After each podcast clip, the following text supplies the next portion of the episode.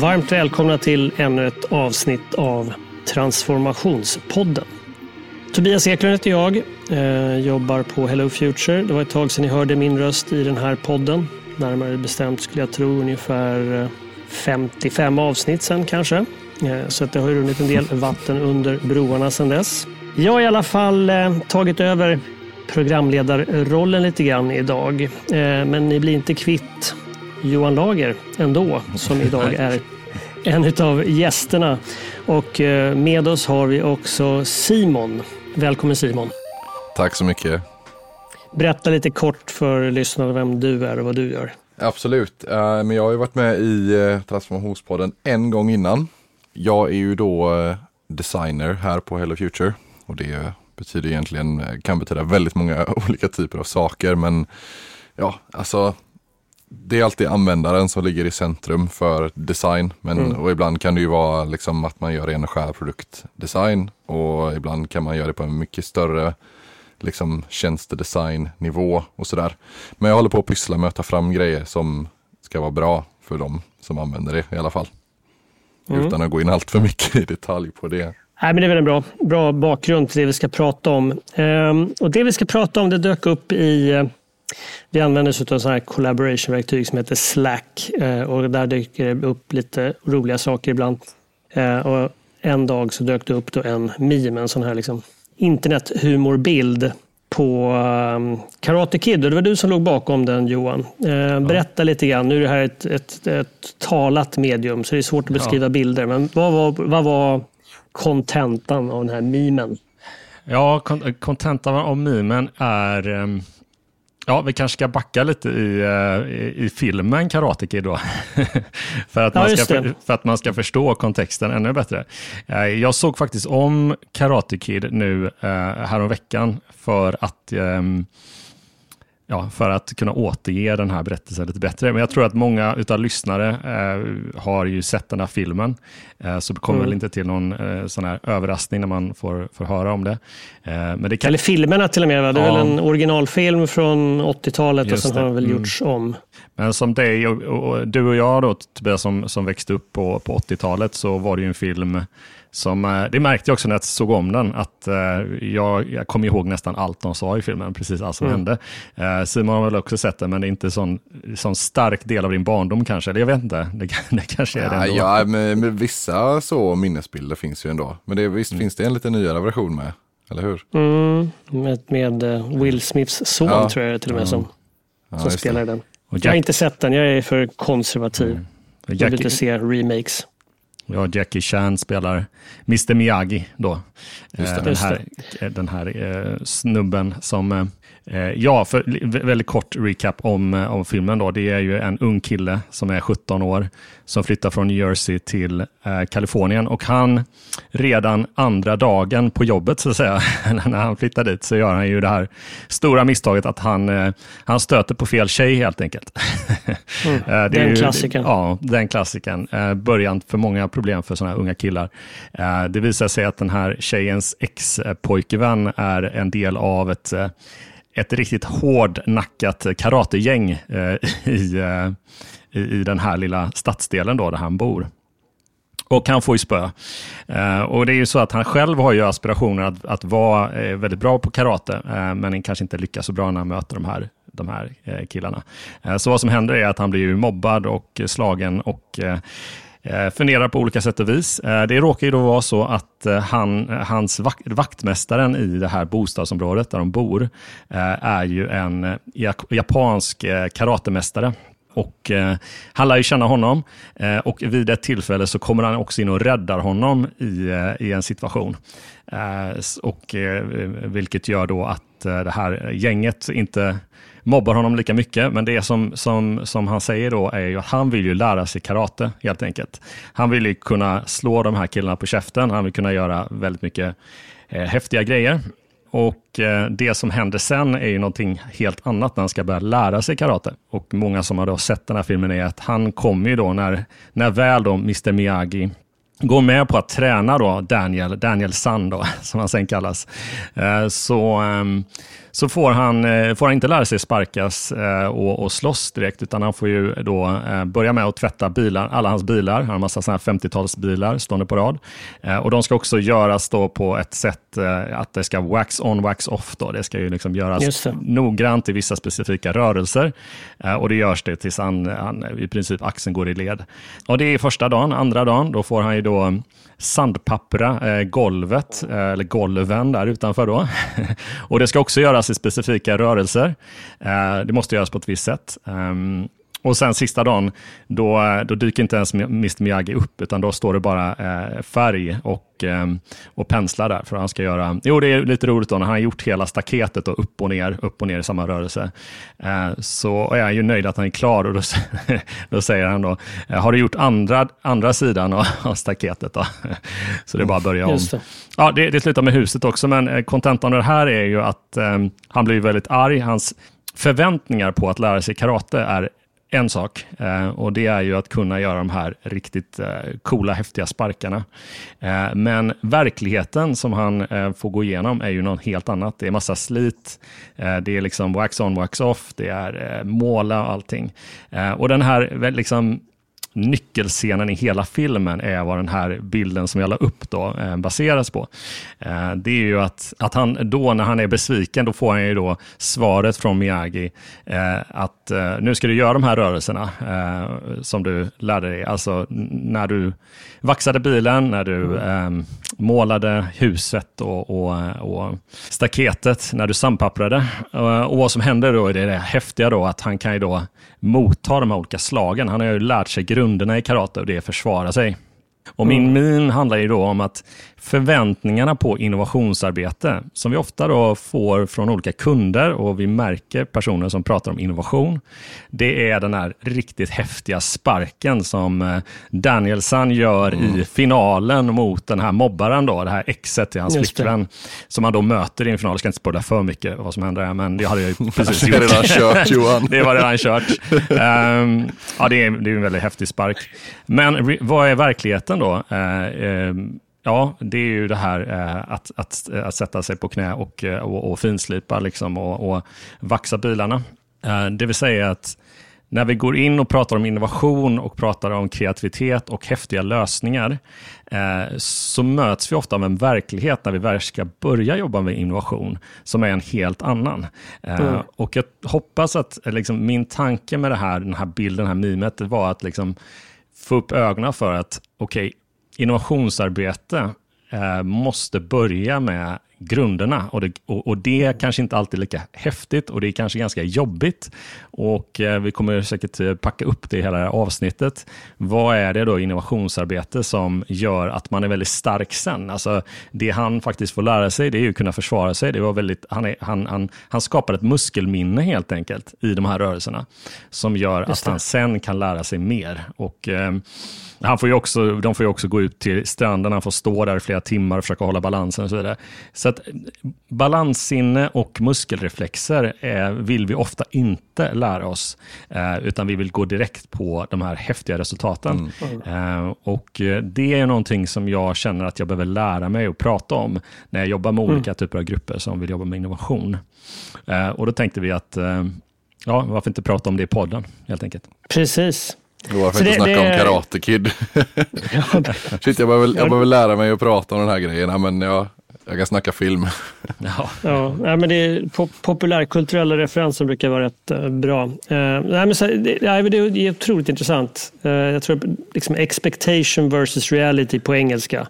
Mm. Lite grann det temat, men det, det låter så mycket coolare på, på engelska så vi kanske inte ens ska försöka översätta det. Nej. Förväntning och verklighet. Mm. Eh, expectation versus reality. Men eh, berätta lite grann liksom hur, hur, ni stöter på det här i, i uh, era olika projekt eh, och liksom hur, hur, hur gör ni då för att adressera det här?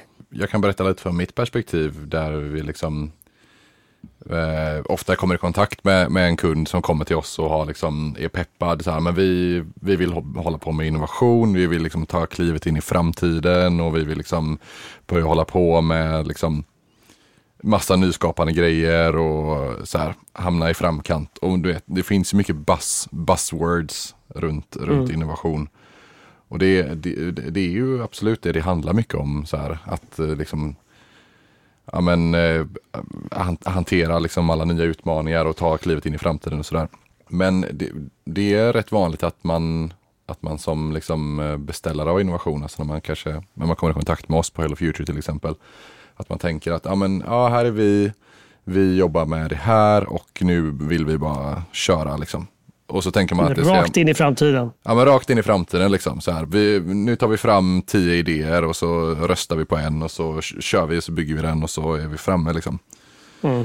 Eh, och, och det, det, det, är inte alltid så, men och rätt ofta är det så. Eh, mm. Och då brukar vi liksom få börja med att ta ett steg tillbaka. då.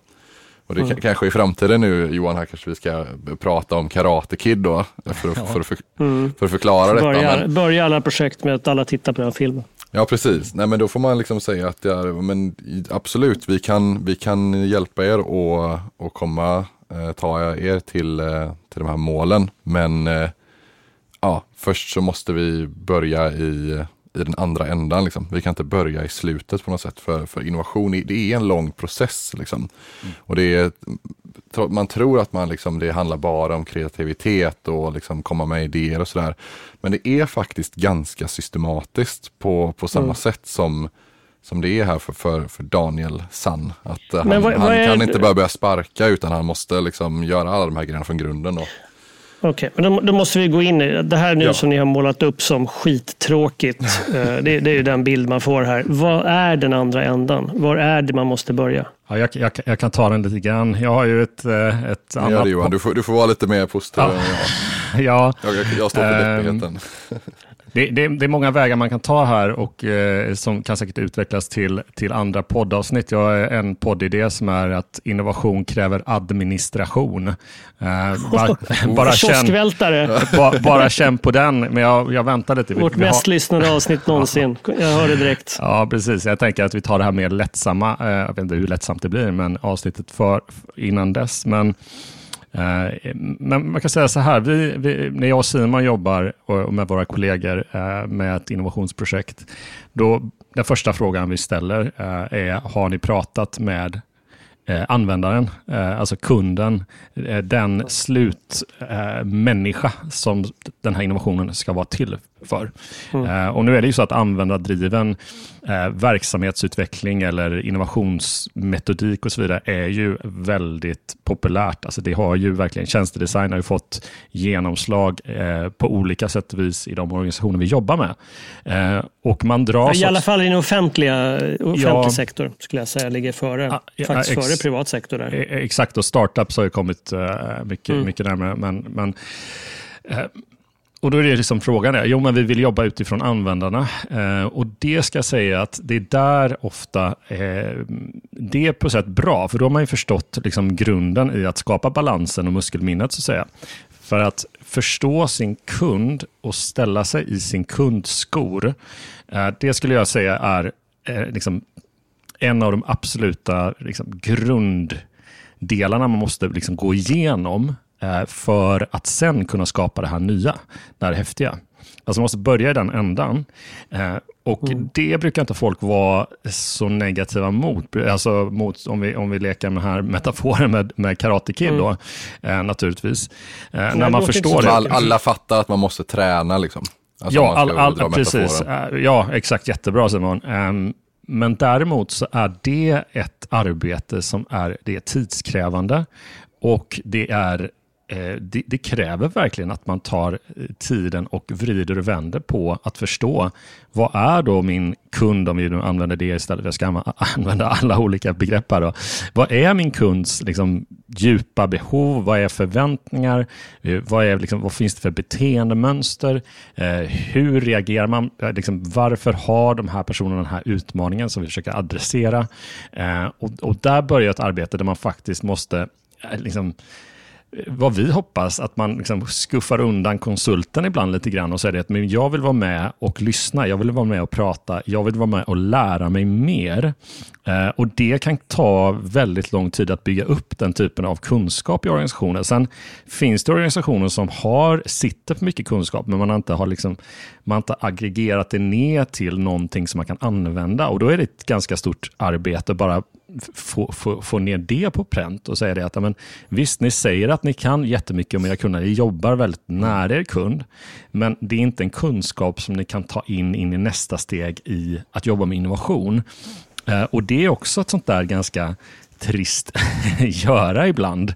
Som, som mm. kräver ganska många timmar och post-it-lappar och möten och djupintervjuer och grävarbete. Um, och sen hela tiden också, som jag vet att du är, Simon, är bättre än mig på att, eller du, egentligen du, du, du påminner mig och lär mig när vi jobbar tillsammans, att varje steg i processen i början av en innovationsprocess handlar om bara ett ökat lärande om målgruppen innan vi börjar liksom komma till någon kritisk punkt där vi kan prata om att nu är vi framme i någon slags lösningar, något, vi kanske ska in med cool teknik och så vidare. Mm. Så att det menar jag, där har du kanske veckor av att, att, att uh, måla staket och, och vaxa bilar och sandpappra golv innan du är framme och kan liksom börja slå ett slag. Mm. Um, bara för att dra det lite till sin spets här. Då. Mm. Men beror det här mest på att man inte riktigt förstår värdet av det här förarbetet eller beror det på att man tycker det är så tråkigt så att man hellre lägger det på en konsult alternativt inte gör det själv? alltså, lite båda kanske. Alltså, jag tycker Johan är inne på, på några aspekter här som, som är väldigt viktiga att prata om. Alltså, du säger det Johan, att det är, många kommer ju ofta in och liksom med den här förståelsen för att det är viktigt att jobba utifrån användarens behov och sådana grejer. Men sen kommer du in på en annan grej som är, som är väldigt eh, central och det är att det är sjukt jobbigt och förvirrande. Mm. Och, det, mm. och, och, det är att man liksom, man är inte alltid villig att eh, verkligen göra skitgörat så att säga. Eller liksom sitta där vid ett, eh, ett eh, så här, bord i ett konferensrum med post-its över hela bordet och bara med massa ord på. Och eh, så här, liksom stanna upp och tänka vad, vad tusen håller jag på med liksom. Mm. Det, det, är inte så behagligt liksom och, och, inte känna att man har koll. Mm. Så jag, jag, upplever att det är lätt att tänka så här, men man måste, vi måste jobba användarcentrerat och sådär. Mm. Men så kanske man tänker, ja men ja, vi har ju några idéer så här som vi tror kan vara bra. Men vi bara fråga våra användare liksom, vilka av de här eh, tycker du är bäst? Och så säger de, ja men idé nummer tre kanske då. Och så kör man på den. Mm. Då, det, är liksom, det, är, det är lätt att hamna i den fällan att tänka mm. att det är det som är användarcentrerat där. Men i själva verket så måste man gå in och göra riktigt eh, riktigt jobbiga grejer för att faktiskt veta att den idén man kör vidare med nu, är, nu, är viktig. Nu viftar, liksom. ja, men nu jag, viftar jag, Johan vet. frenetiskt här. Jag viftar här men det, jag var tvungen att säga klart. nej, nej, nej, du får okay. prata till punkt, absolut. Så skönt, jag, jag och två göteborgare som båda. Ja, ja. Jag får, jag får försöka styra upp er. Ja, men, Johan, vad vill ja, du säga? Men kort reflektion på det, för det, det, det är så tydligt det som, som vi, vi säger just nu, att just med expectations, alltså det är också en sak när du går in och ska ta reda på mer om din målgrupp är att du har redan en bild av vad lösningen är. Mm. Alltså du har redan, mm. går in med en förutfattad mening om hur lösningen ska se ut redan innan du börjar prata med målgruppen. Alltså du mm. har för mycket, organisationerna sitter på för mycket, så här har vi gjort. Ska vi göra det annorlunda, ja, men då kanske vi ska göra precis som konkurrenterna har gjort, eller som den här organisationen har gjort. Så kommer nog i slutändan ändå landa i den här lösningen. Uh, och Det är det som är liksom bilden som Danielsson har på karate. Det är ju det, är, det här är karate. Uh, och mm. Det som då Miyagi lär honom att ja, men karate, men det sitter ju liksom här i hjärtat hjärtat och här i huvudet, inte i dina händer. Eh, så vidare. Det, är de här, det, fick man, det var ju ett sätt också att lära sig som barn när man såg den här filmen, att du ska tänka liksom på dina värderingar, du ska tänka på, det är de som är viktigast. Det är liksom att använda din kreativa, ditt kreativa sinne som är viktigast. Det är inte händerna, det är, liksom inte, det, är inte det, det du ser på ytan som är det viktigaste när, när, du, när du ska lära dig det här. Eh, och Det menar jag att du går in och börjar prata med din målgrupp och du har redan bes, nästan bestämt dig för det, det är ungefär så här vi ska lösa. Eh, då är det, då ska jag säga att då går den processen ganska smidigt. Eh, men när du börjar plocka bort dem och säger att du ska gå in här och du ska lära dig någonting om din målgrupp, men du ska inte ha några för... Nu ska vi bara titta på beteenden eh, och olika typer av beteendegrupper. Nu ska vi förstå, liksom, nu ska vi gå längre, djupare er i mänskliga behov. Det är då de här, som Simon säger, de här workshopparna med alla de här orden blir så otroligt röriga och stressiga. För det är så här, vi har inte kommit någonstans. Vi, bara, vi, vi, vi hör en massa åsikter, vi, vi, vi får höra en massa, men vi, vi, vi, har inte fått, vi har inte konkretiserat ner vad vi kan göra åt den här saken. Och det är det som blir det att då, då vill du gå snabbare fram. Du vill till den här turneringen där du ska kunna möta eh, de här andra, eh, du ska kunna ställa dig i ringen snabbt. Men vi säger det, nej men gå inte till, gå inte till ringen, gå inte till lösningen utan gör det här liksom fördjupade arbetet eh, av att förstå vad är det faktiskt för behov ni försöker lösa. Sen är inte det applicerat på exakt varje projekt. Du har vissa projekt som är målstyrande Nej, men... och vissa som är mer målutforskande. Men ska man lära sig ett mm. hantverk och jobba med en innovation, då, får, då måste man lägga det åt sidan eh, och, och, och, och, gå till vad är det för värderingar som, som vi, ska, vi ska jobba med inte vad, vad, vad, vad är som slagen och sparkarna här. Då. Mm. Att, ja. det låter ju liksom det, det djupt mänskligt beteende.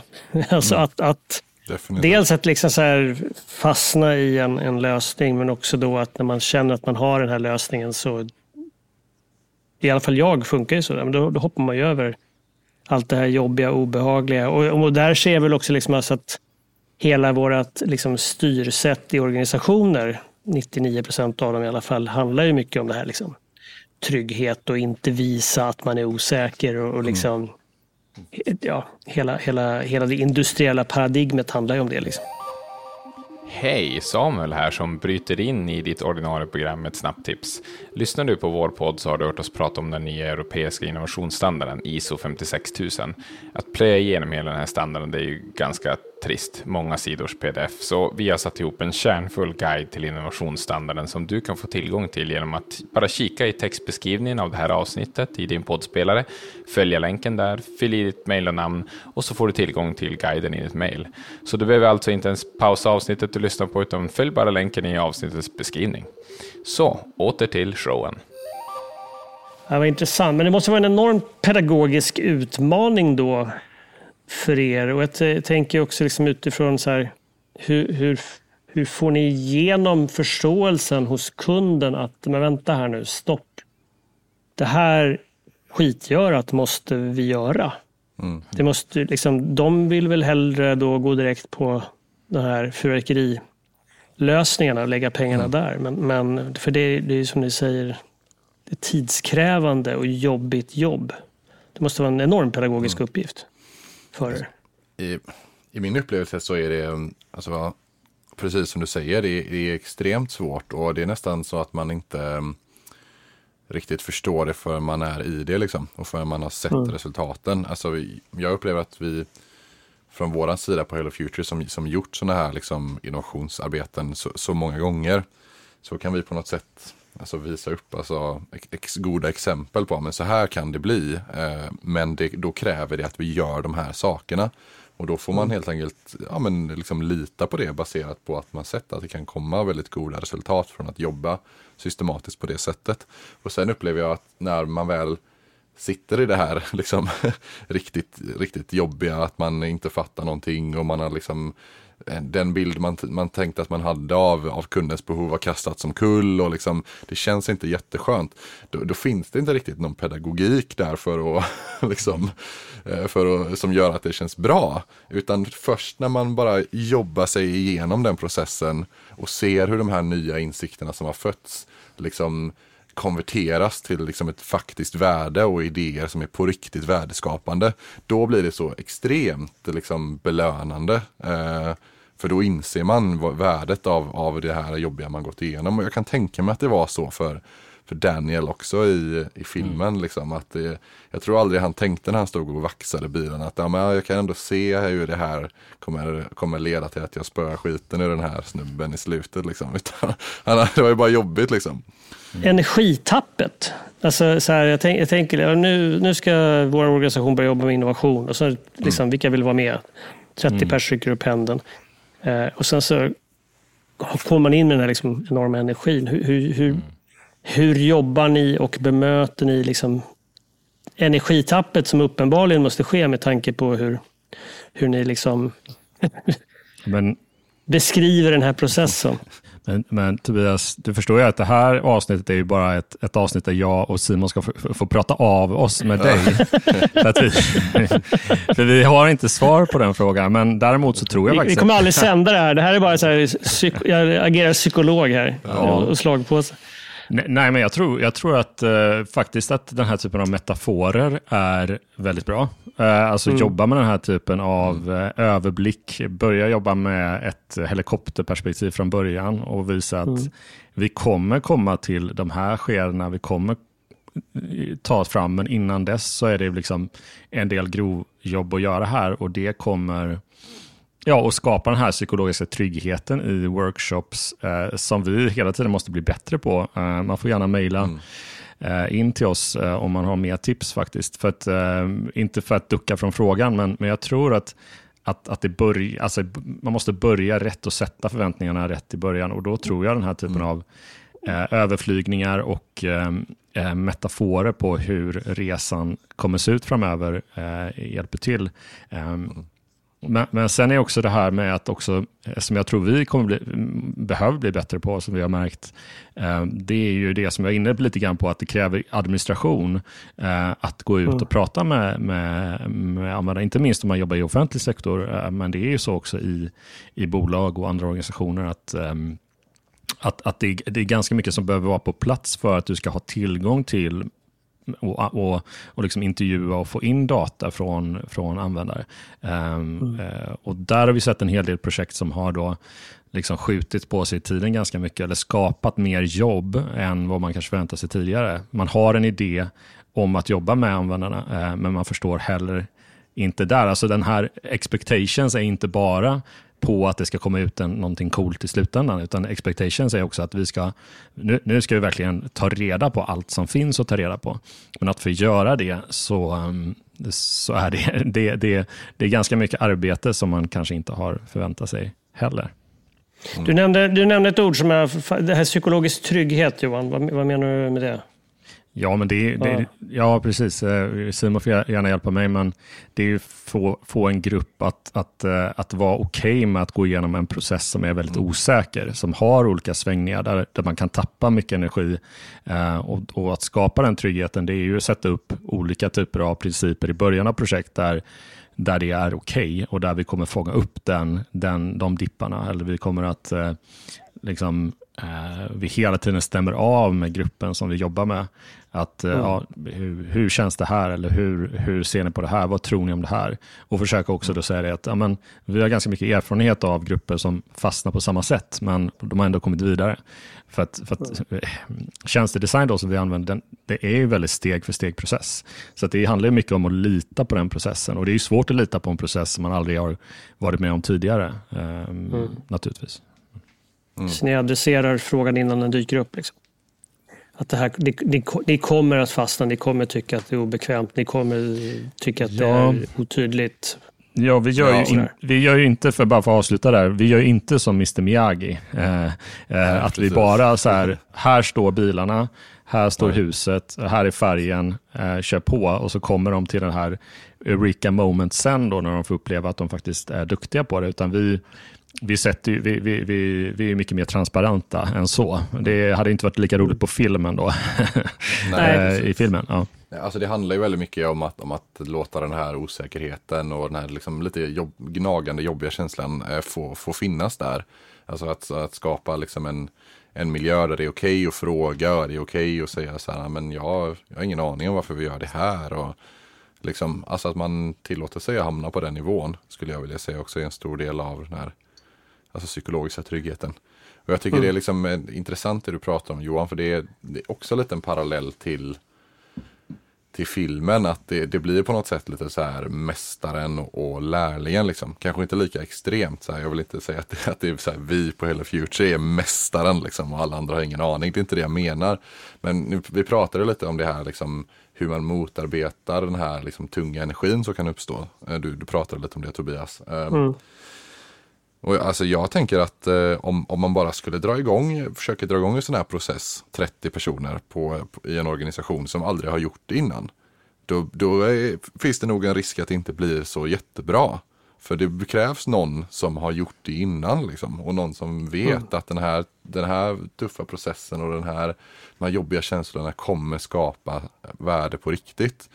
Och eh, jag tänker att liksom, det, en del av det vi gör i, när vi, i våra samarbeten här på Hello Future, det är att vi, vi kan ta, ta lead lite grann på ett sånt här innovationsarbete och vara den liksom eh, den positiva liksom, kraften och den drivande kraften som ser till att vi, vi genomdriver eh, liksom, innovation. Men sen även efter det så kan ju de som då kanske gick igenom den här processen för första gången eller så, alltså själva ha med sig den, den vetskapen när man, när man jobbar på liknande sätt kanske i sin egen organisation. Då. och på, på det sättet liksom föra den erfarenheten vidare med. Så det, det, är en stor del av det tror jag. Att liksom man har mm. någon med sig som sitter på erfarenhet och som vet att liksom kan, kan pusha på lite grann att ta sig igenom det, det som känns tungt. Mm. Ja, vad tror jo. du om det Johan? Jo, helt enig och jag tror att det är därför vi har ju pratat en hel del i den här podden sista tiden om innovationsledning och innovationsledare i organisationen. Och mm. Det är en viktig, en viktig uppgift för en innovationsledare är att coacha andra personer. Eh, mm. Att, eh, det säger sig självt, då, liksom ledning, men att skapa den här psykologiska tryggheten, men också liksom vara ett, eh, att ta sig tid och faktiskt vara en coach liksom, för personer som ska gå igenom det här och göra saker. För att innovation är ju på så, så konkret, det är ett sånt konkret görande att hålla på. Det är ju klart det är mycket tänkande, men det är hela tiden ett görande. och mm. det kan kännas som att men jag kan inte, jag kan inte skissa, jag kan inte det, jag kan inte intervjua någon, okej okay, du ska inte göra allting, men det lilla du kan göra, så, så är det viktigt att du har en, en coach. Och vi är ofta coacher då också i vårt arbete, men jag tänker internt, som Simon är inne på, i en organisation, att ha personer som har eh, lite träning, som har gjort det här innan, kan gå in och eh, inte ta allt ansvar, men ändå kunna coacha medarbetare mm. och skapa den här tryggheten i gruppen, eh, även om man har någon utanför som är med och faciliterar då, som vi, vi gör. Då. Så eh, jätte, jätteviktig funktion där, måste jag säga. Mm. Med och drar igenom och liksom hjälper till när man har fastnat. Och, och exakt. exakt. Har, precis som du säger, har haft erfarenheten av att fastnat tidigare och vet frustrationen mm. som, som kan finnas där liksom innan, innan man mm. kan göra sina roundkicks. Ja, intressant. Vad finns det mer för perspektiv då på, på, på det här med, med uh, förväntningar? Jag menar, det, det, det, är ju som du sa inledningsvis Johan, det är liksom, eller om det var du Simon, uh, det är liksom innovation, det är, liksom, det är ett sånt otroligt buzzword idag. Mm. Um, och man, man, jag tror att vi har pratat i något tidigare avsnitt om liksom skillnad mellan uppfinning och innovation och mm. idé och, och sådär det låter ju när man tittar på det utifrån, eller så liksom, menar, det, det, finns en dålig förståelse för liksom en, mm. hur designprocessen ser ut. Mm. Nej, men jag kan utveckla det, för vi, det vi gör nu är lite prat om olika steg i, i designprocessen, där den första är att hämta in mycket kunskap om målgruppen. Mm. Uh, och, och, här design, ja. Designprocessen är också så här, det, det är ett farligt ord att använda tror jag utifrån mitt perspektiv, för att mm. det, det, är inte alla som liksom förstår vad vi, som tänker annat än vad vi gör när vi säger designprocessen. Ja. kanske ska säga innovationsprocessen. Ja egentligen. Mm. För att, för att uh, designprocess, alltså design thinking-processen, det är ju mm. den vi vill komma åt. Men mm. Ja, bara ja, helt, förtydliga, låt oss kalla det riktigt. kanske innovationsprocessen snarare mm. än designprocessen. Jo, förlåt. Nej, men, Fortsätt Johan. Jo, men precis, det finns ju en förväntan på, eh, liksom där vi säger att vi måste backa tillbaka. Men när man har den här mer kunskap om målgruppen och man ska gå in i en idégenereringsfas eh, så tror jag också mm. många fastnar på liksom att man inte är tillräckligt unik. man är inte tillräckligt, man kommer inte fram med de här riktigt wow-idéerna jämt. Mm. Uh, och det där kan ju ibland uh, naturligtvis hända på individuell nivå eller så kan det hända i en grupp. Att man liksom kommer på någonting som är liksom ganska tidigt i processen så kommer man på någonting som, som man säger, det här verkar ju, det här har vi aldrig testat innan. Det här är verkligen oj, det här skulle kunna verkligen förändra hur vi gör saker på. Och, eh, och sen efter ett tag så, så märker man det att det är, det är inte alls någonting speciellt nytt och då tappar man, tappar man energin. Mm. Och ehm, jag nämnde det innan vi började spela in det här avsnittet, då, att jag hade läst ett ett, utdrag från en bok som jag, som, som jag tyckte var så klockrent inför att vi skulle ha det här det avsnittet. Då, och det, mm, det finns ett exempel i den här boken. Då, eh, den heter 4000 Weeks för den som är intresserad eh, av Oliver Berkman. Men den här, den här, eh, det här passaget handlar om, och jag ska inte läsa högt även om jag tog upp, ni ser att jag tog upp boken här, men jag ska inte läsa högt. Jag, jag, har, jag har nog, jag har nog eh, förklarat, men bara så att jag näm- eh, får hans namn rätt här också. Men det är en, en eh, fotograf som heter Arno eh, Minkinen som, är, eh, som man hör på efternamnet. Då. Han är fin, finländare, men han, han spenderar sig mest av sin karriär i, i USA. Han har faktiskt en, en utställning på Fotografiska för några år sedan som jag var på. Väldigt, väldigt speciell, väldigt svårt att förklara vad han gör eh, som fotograf, men man måste titta på hans bilder, får man googla. Men han har ju han, han jobbat många år. Eh, under tiden han, han håller på med sin konst då, så, så, eh, så har han studenter då i, i fot fotografi eh, eh i Bostonområdet. Eh, och han hade då en metafor för sina studenter eh, om liksom, busstrafiken i Helsingfors. För det är tydligen så, eller var i alla fall det när han eh, mm, eh var aktiv, han är väl fortfarande aktiv, att eh, liksom, bussarna i Helsingfors, eh, om man utgår från en slags centralpunkt, så finns det liksom en, en city route, liksom, eller vad säger man, en, en rutt i staden som går likadant för alla bussar. Men sen när du ska ut, när det kommer ut i periferin, då blir det här bussystemet, det går ut i många olika grenar till många olika platser utan, eh, i, liksom i förorterna och utanför Helsingfors. Eh, och han menar det att, att din karriär då, som man säger då, om du är student, du ska börja din kreativa resa, så är det som att sätta dig på en, eh, på en av de här bussarna. Och varje busshållplats är ett år av ditt liv. Och om du då efter tre busshållplatser hoppar av och tycker att ah, men nu har jag, jag har som exempel i den här boken. Då. Jag har ägnat tre år till att bli väldigt bra på nakenfotografi här. då, till exempel. Mm. Och utveckla den konsten. Så hoppar du av och då märker du att det finns redan eh, väldigt duktiga eller personer, eller som redan lyckats, som också har hoppat av där. Du har tagit exakt samma väg som, eh, som någon annan. Eh, och det är många studenter som märker efter ett tag, de, de, de tappar energi för de märker att men jag gör ingenting originellt. Jag, jag har hållit på med det här i tre år, ingenting originellt händer. Och Vad de gör då är att de tar en taxi och åker tillbaka till, till eh, huvudcentralstationen i Helsingfors och så sätter de sig på en ny buss och tänker att det här ska ta mig någon annanstans. Eh, men vad som händer efter tre stationer är att du är på samma plats, det vill säga att även om du har kanske gått in i, en, i ett annat, om det är fågelfoto eller vad det nu är, så märker du att det är många som har gjort samma resa och tagit sig till samma plats. Men vad han säger är att du måste liksom stay on the bus, alltså sitt kvar på bussen och fortsätt och fortsätt och du kommer komma till en plats som de andra bussarna inte kommer till. Eh, och det tror jag också är det här expectations versus reality. Det är ju att vi förväntar oss, vi tänker det i processen och så märker det, men vi har kört det här ett tag, vi kommer bara till den här punkten. Eh, och vi tittar runt och säger att ah, men det, är inte, det är ingenting unikt. Vi har, inte, vi har inte skapat nytt värde i innovationsprocessen vi måste tillbaks, vi måste, liksom, vi måste skrota det, det här som vi har gjort. Skrota alla nakenfoten och, och bilder på fåglar.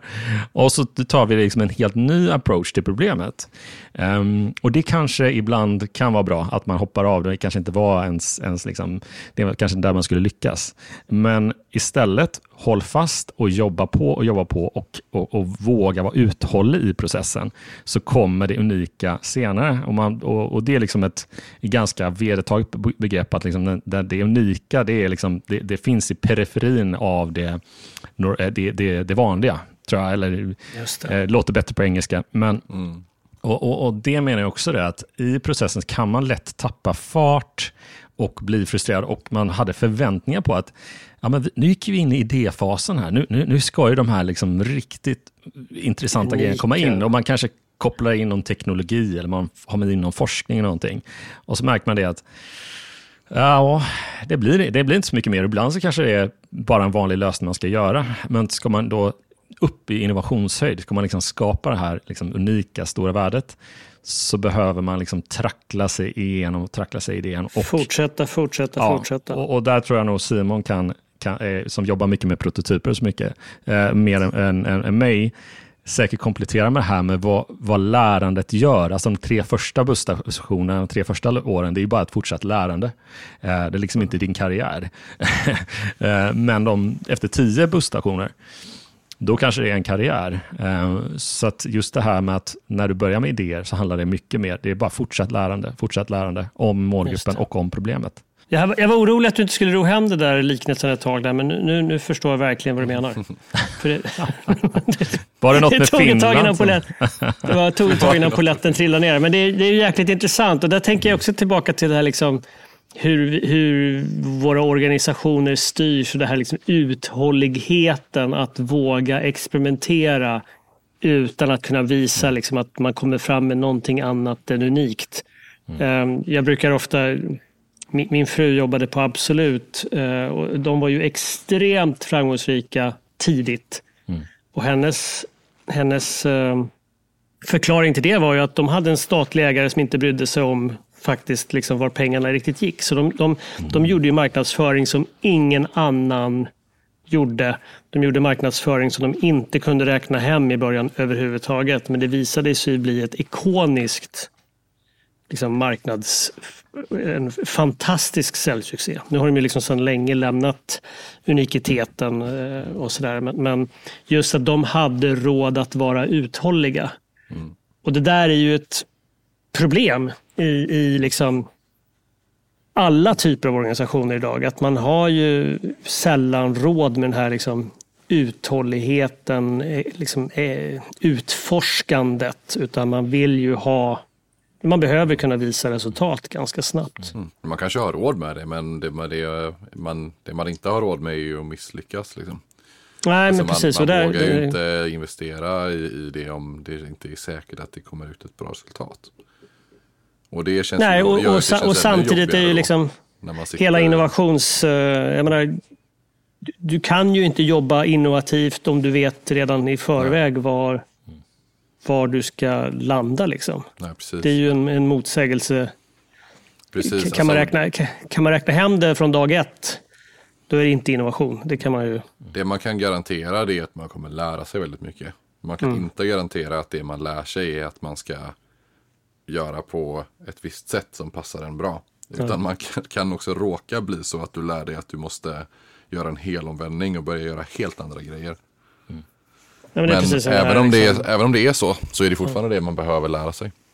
Ja, nej, men när, liksom när vi pratar om låda 3, hur, hur, ska man kunna mäta det? För jag menar, det är ju lätt att mäta aktiviteter i låda 1. Vet ni inte vad vi mm. pratar om i låda 1 och låda 3 så handlar det om three box solution och det finns poddavsnitt om det. Mm. Men där man i låda 1 utvecklar sin befintliga affär, där, kan man alltid liksom, där finns det alltid kopior. Men låda 3 kan man inte, det handlar om att utforska framtiden där brukar vi säga att det enda KPI som faktiskt kan finnas där, det är ju mängden lärande. Mm. Att man liksom lär sig. Ja, intressant. Har vi något mer vi vill ta upp om det här, liksom, om, om din Dr Miyagi-meme? Nej, inte ja. Dr. Miyagi, Mr Miyagi. Mr Miyagi, förlåt. Mr Miyagi-meme. Är det något perspektiv? Liksom? Ja. Budskapet är lite grann att, att förvänta inga förverkerier från början, utan det, här, det, kommer, det är blod, svett och tårar. Ja. Mm. Alltså det känns som det finns, det finns, man kan ju gå in på väldigt, som Johan sa tidigare också, det här kan ju bana väg för väldigt liksom många extremt långa diskussioner. Alltså hur konkret jobbar man med det här? Vad gör man i det här steget och den här fasen? Mm. Och sådär. Men det känns som på något sätt att andemeningen av det här samtalet ändå är att Eh, att liksom bära med sig det lite grann. Att det är okej okay när det känns jobbigt. Och liksom att veta med sig att för att hamna i någonting värdeskapande så måste man gå igenom en jobbig process. Och det gör vi fortfarande när vi jobbar, jag och Johan. Om vi gör ett, en innovationssprint eller en, någon form av innovationsprocess för hundrade gången.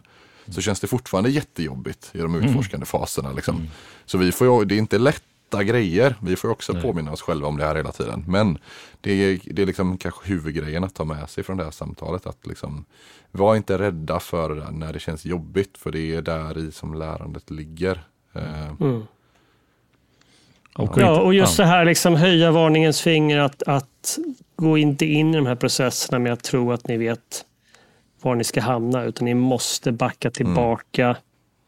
Ni måste liksom på djupet förstå kunderna och utifrån det påbörja era, era liksom idéprocesser. För det är ju lätt att man, ja, man i en sån här process man plockar in säljkåren som ju pratar med kunderna hela tiden och de har ju sina agendor de pratar ju med inköparna som kanske inte är användarna och så vidare. Nej, men Ja, det också- finns så mycket som helst att prata om det här. Ehm, ja, men, det, det, det kommer vi över tid att göra, men kanske inte, kanske inte här idag. nej, men jag, Ehm, vad, ja. ja, du, vill säga, nå- du vill säga något mer Johan? Jo, Johan, Sluta shoot. köta nu Tobbe, Johan vill lägga till något här.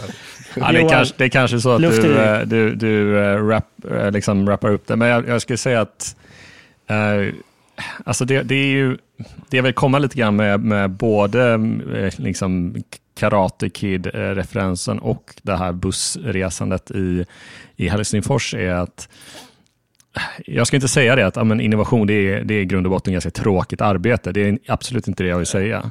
Eh, för att vi, man, får, man har väldigt roligt, det är väldigt kreativt.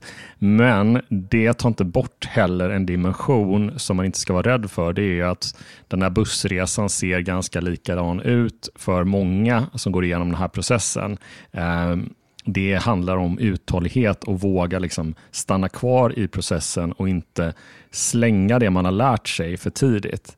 Uh, och, och Det har ju med uthållighet att göra även i, i, i Karate Kid, då, att liksom återgå kväll efter kväll, dag efter dag och, uh, och göra det här grundjobbet. Och, och det, blir ju, det kommer ju till olika typer av eh, eh framgångar sen då, man märker att ja, men, första Karate Kid slutade ju bra, sen finns det två andra filmer och det innebär ju att eh, nu har jag inte sett de två andra filmerna, men, men det innebär ju, gjort det. Ja, men det innebär ju nya typer av utmaningar helt enkelt, en nya miljöer du kommer i. Eh, eh, Har du lyckats i en insiktsfas och liksom, tycker det är ett fantastiskt jobb vi har gjort för att förstå problemet och, och, och ha en jättebra utgångspunkt för att skapa någonting nytt, så kommer du in i en ny fas som kan bli ganska grå också vissa dagar av att försöka skapa någonting unikt och eh, liksom bidra med, med ett unikt värde. Ehm, men naturligtvis alla de här resultaten av att bland annat lyssna på, på att ta, testa eh, idéer med användare brukar ge väldigt mycket energi. Eh, Så det är ju det man ska göra tiden, testa, testa, testa och involvera användarna i processen. Eh, Så gör det ju också det att det kommer, eh, man kommer definitivt snabbare fram eh, för att förstå att, okej, okay, eh, vi är på rätt väg även om den här bussturen ser exakt likadan ut som det gjorde i de andra projekten vi gjorde. Eh, Men längre fram så kommer du till en plats du inte varit på. Och, och det är ju liksom lite av guldhinken så att säga, i slutet på regnbågen. Eh, att liksom våga eh, vara eh, våga vara uthärdig i de här eh, olika processerna. Eh, och eh, har vi med oss det i, i alla liksom, eh, nya innovationsprojekt eller nya idégenereringsworkshops eh, eller sprintar vad det nu är, så tror jag att man har en annan typ av muskel, ett annat typ av muskelminne som gör att eh, slutresultatet blir eh, väldigt bra och, och, och möjligtvis också unikt. Ehm, så att, eh, det är väl det som man kan, liksom, för att få ihop de här två berättelserna också och vårt samtal. Så, ehm, Mm. Men nu har, jag fått, nu har jag fått en till följdfråga, så vi, vi Ja. struntar i att av, avsluta här. Men en, en sak liksom som slår mig, det är ju att, att liksom nidbilden lite grann utav, utav folk. Om man säger, vi är på en organisation som ska börja, så vilka är det som räcker upp handen? Jo, men det är ganska så här, liksom, framåt, eh, framåt människor. Bara, liksom väldigt förändringsbenägna och vill in i framtiden fortare. Ehm, är, det, är, det en, är det så att vi liksom plockar ombord fel vi då, or, liksom organisationer plockar ombord lite fel människotyper, personlighetstyper i innovationsprojekt? Kanske ska blanda upp mer med liksom de här tänk först, prata sen eh, och eh, liksom mer Excel, Excel-folk och, och, och så vidare. Är det, är det, vad är era tankar kring det? Jätte, Det- Jättekort så är väl se- sensmoralen av Jag behöver karate. inte hålla det jättekort. Vi kan fortsätta Ja. i två timmar till. Det, det jag, hade, jag, jag hade bara en kort reflektion över att sensmoralen av Karate Kid var väl i alla fall för, för, för barn och ungdomar på 80-talet, eh, är att alla kan lära sig karate. Eh, för att Danielsson, eh, för de som inte sett filmen, är han eh, liten och tanig medan hans motståndare är ju liksom, ser ut att vara 26-27 och inte 17. Eh, Så att, definitivt, eh, bara säga att inkludera eh, människor eh, i, i det här lärandet, naturligtvis. Eh, För det, det sitter inte i utseendet liksom på, eller på vad, vad man, tr- man förväntar sig att någon som ska bidra in, in, i en innovationsprocess, utan det sitter i, i, i helt andra typer av liksom, värden som man kan bidra med. eh, Jo, men är vi, är vi för dåliga på att liksom titta? Är det ert intryck när ni, när ni kommer till en kund, är det för mycket av en viss typ av personlighet jämfört med andra? Eller är, är organisationerna bra på att liksom dra ihop olika typer av människor med typ olika aspekter och olika bakgrunder? Och, Vi och så? brukar försöka prata mycket om det, alltså känner jag. Det, det, det finns inga fel typer av personer att involvera tror jag. Men, men som du säger Tobias, det, det, det blir ofta som allra bäst när man har många olika personer liksom, med olika skillsets, eh, liksom, olika kompetenser och, och, och olika bakgrunder och allt sånt där. Och så, alltså, så är det ju så är det ju i princip allt man gör. Alltså, um, så, mångfald gör att det blir bättre liksom, när man inte bara har ett enda perspektiv på saker och ting. Men det är, alla behövs liksom. Det behövs de som har energi och driver det framåt. Sen så behövs det de som säger så här, men vänta ett tag, liksom. ska vi inte tänka på det här? Och så formulerar man ihop någonting riktigt snyggt och så här. Det är, så det är absolut, det, blir ju lättare alltså, om man har en, en förväntning på innovation. Att det ska vara liksom, att man bara kastar ur sig idéer och jobbar hypersnabbt. Liksom. Om, om man då bara involverar personer som vill göra det. Eh, det är klart att det är liksom, tendensen att fastna, att hänga kvar i den felaktiga förväntningen blir större. Så då är det ju bra att involvera liksom bredare, eh, mm, ja, fler typer av personer helt enkelt. Håller, du- håller du med där Johan?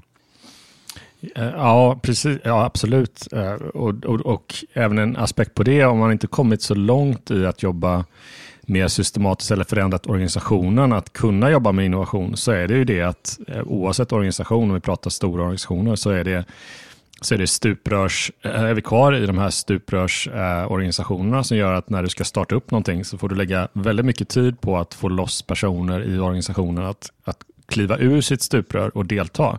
För du ser det att om man ska lyckas med det här, då behöver vi få med den här delen av organisationen och kanske den där delen av organisationen och kanske den personen som sitter på det- den kompetensen.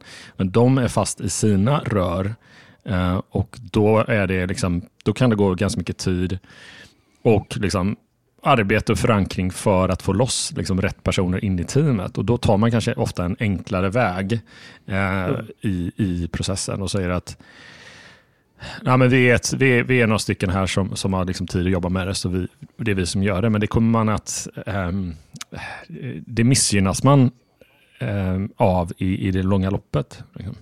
Eh, så det är också en sån här jobbig sak som, som vi ibland säger att men, har ni involverat dem här, har ni involverat dem där Eh, och titta på det och gör det. Eh, Och det innebär ju då en del e-post, en del telefonsamtal, en del möten som man gärna kanske slipper. Eh, Ja, så det är väl det är med min, min, min, min take på det. Mm. Då, då, nu, får, nu får det vara nog. Nu, eh, Ja, det är du som, det är du som bestämmer. Det är inte jag, Nej, men som jag, tycker, jag, avrundar tycker idag. vi har, jag, jag, jag, tryck, jag tror och hoppas att vi har, har um, fått en, en liksom bra bild av det här faran med att eh, ha, ha fel förväntningar. Eh, utan det är ganska hårt jobb innan man blir, blir bra på det här helt enkelt. Eh, så man måste komma in med rätt, rätt inställning och vara beredd på, på det där. Hörni, eh, mina Göteborgsvänner, då, då tackar jag så hemskt mycket Johan och Simon för er tid idag. Eh, får ni jobba, hoppa tillbaka in i era projekt eh, som ni sitter och sliter med. Så hoppas jag att vi alla hörs eh, snart igen. Rättare sagt om ungefär två veckor. Ha det så bra allihopa. Snyggt handtackat uh, av podden här också. Visst, du. Ha det bra. Ha det gott. Hej. Hej. Ha det gott. Hej.